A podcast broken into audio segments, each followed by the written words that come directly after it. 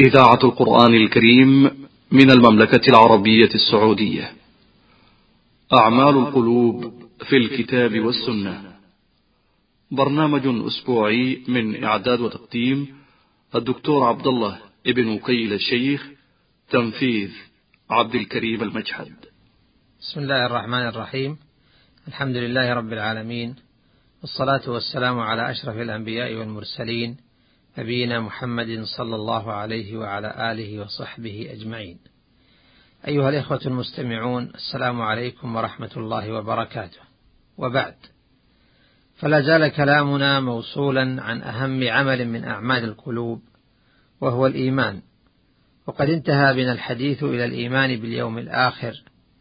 والإيمان باليوم الآخر معناه على سبيل الإجمال التصديق واليقين القلبي بقدوم ذلك اليوم الموعود الذي أخبر الله به وأخبر به رسوله صلى الله عليه وسلم. ذلك اليوم الذي ينفخ فيه الصور فيخرج الخلائق من قبورهم ويقفون موقف القيامة العظيم فيقضي الله بين عباده وهو أحكم الحاكمين وأسرع الحاسبين. ومشاهد ذلك اليوم كثيرة ومفزعة من الحشر إلى نشر الصحف إلى محاسبة الخلائق وضرب الصراط ووضع الموازين حتى يكون العباد فريقين فريق إلى الجنة وفريق إلى السعير. كما يتضمن الإيمان باليوم الآخر الإيمان بما وردت به الأخبار من أشراط الساعة وأماراتها الدالة على قرب وقوعها والإيمان بما ورد من أحوال الموتى عند موتهم وبعد موتهم في قبورهم من السؤال والفتنة والنعيم أو العذاب. اليوم الآخر أيها الإخوة المستمعون هو النقلة الأبدية إلى الدار التي لا تضمحل والمقام الذي لا ينقطع. إنه الرحلة من عيشة محدودة في ملذاتها، محدودة في زمنها، محدودة في قدرة أهلها، إلى تلك الدار المختلفة عن كل هذه الدار. لذة وزمنا وقدرة فالموفق من أوقف همه على التفكر فيه والعمل له فجعل ذلك اليوم نصب عينيه وسابق بكل ما يستطيع في استثمار عمره في نيل درجاته. لقد كثر الحديث عن اليوم الآخر في القرآن الكريم وفي سنة النبي صلى الله عليه وسلم، وجاء ذلك الإكثار على وجوه متعددة، فمن ذلك أنه قرن بالإيمان بالله في أحكام متعددة مع أنه داخل في الإيمان بالله من حيث الجملة. قرن بالإيمان بالله في وجوب الإيمان به والرجاء لما فيه من الخير. كما قال شعيب عليه السلام يا قوم اعبدوا الله وارجوا اليوم الآخر. والإيمان باليوم الآخر من البر الذي أمر الله به كما في قوله تعالى ليس البر أن تولوا وجوهكم قبل المشرق والمغرب ولكن البر من آمن بالله واليوم الآخر. والإيمان باليوم الآخر مقرون بالإيمان بالله في كونهما سبب النجاة يوم القيامة. كما قال تعالى من آمن بالله واليوم الآخر وعمل صالحا فلهم أجرهم عند ربهم ولا خوف عليهم ولا هم يحزنون. وقال تعالى لكن الراسخون في العلم منهم والمؤمنون يؤمنون بما أنزل إليك وما أنزل من قبلك والمقيمين الصلاة والمؤتون الزكاة والمؤمنون بالله واليوم الآخر أولئك سنؤتيهم أجرا عظيما. واليوم الآخر مقرون بالإيمان بالله في كونهما سبب الاتعاظ والانقياد لأحكام الله كما قال عز من قائل: ذلك يوعظ به من كان منكم يؤمن بالله واليوم الآخر. والمؤمنون بالله واليوم الآخر هم الذين ينفقون أموالهم طواعية طلبا للأجر من الله. إنما يعمر مساجد الله من آمن بالله واليوم الآخر.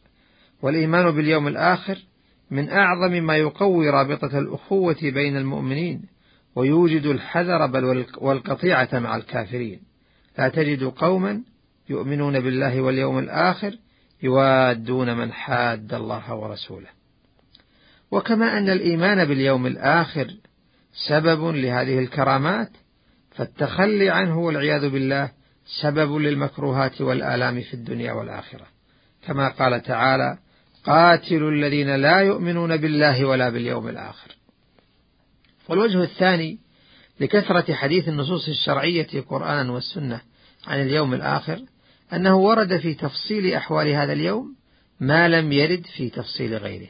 فلا تكاد تقرأ صفحة من كتاب الله إلا وتمر عليك الآيات المتعلقة بهذا اليوم العظيم. فأحيانا يقع الحديث عن الجنة وأحوال أهلها وما أكرمهم الله به من النعمة التي لا تنقطع والسرور الذي لا يتكدر.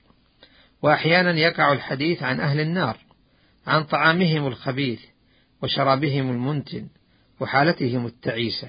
كلما احترقت جلودهم بدلوا جلودا غيرها ليذوقوا العذاب.